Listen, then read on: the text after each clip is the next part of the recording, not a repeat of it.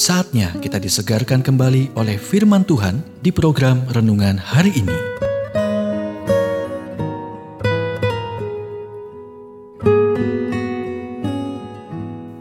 Renungan hari ini berjudul Menangani Perubahan di Tempat Kerja. Nats firman Tuhan diambil dari Pengkhotbah 3 ayat 1. Untuk segala sesuatu ada masanya. Ketika perubahan terjadi di tempat kerja, kita sering merasa terancam.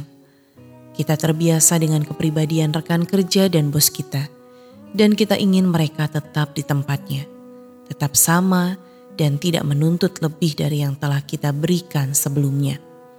Kita tidak siap menghadapi ketidakstabilan, ketidakpastian, dan hal-hal yang mengejutkan karena keinginan kita untuk sesuatu yang stabil, aman, dan pasti.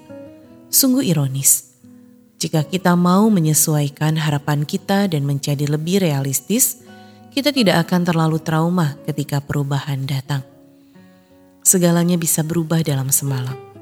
Mungkin kehilangan orang tua, atau pekerjaan, atau kesehatan Anda. Perubahan adalah satu-satunya yang konstan dalam hidup, dan itu berpotensi untuk membawa Anda ke hal-hal yang lebih baik dan meratakan Anda seperti mesin giling. Pilihan ada pada Anda. Untuk segala sesuatu ada masanya. Kebenarannya adalah Tuhan adalah satu-satunya sauh Anda yang dalam hidup. Jadi jika Anda bijak, Anda akan membangun hubungan yang kuat dengannya. Pada akhirnya, dia tidak akan pernah membiarkan Anda bergantung pada apa pun selain dia. Inilah kisah Elia.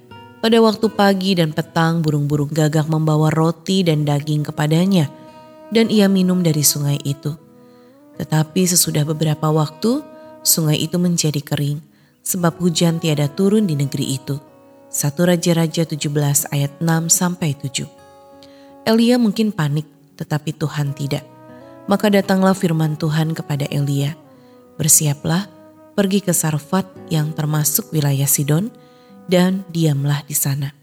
Ketahuilah, aku telah memerintahkan seorang janda untuk memberi engkau makan." 1 Raja-Raja 17 ayat 8 sampai 9. Perhatikanlah apa yang Tuhan sediakan untuk Elia.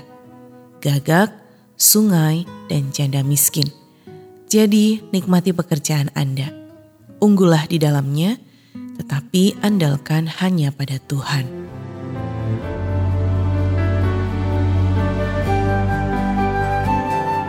Kita telah mendengarkan renungan hari ini. Kiranya renungan hari ini terus mengarahkan kita mendekat kepada Sang Juru Selamat, serta menjadikan kita bertumbuh dan berakar di dalam Kristus.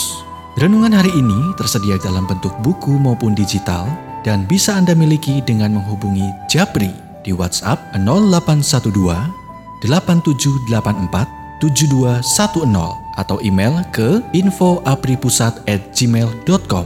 Tuhan memberkati.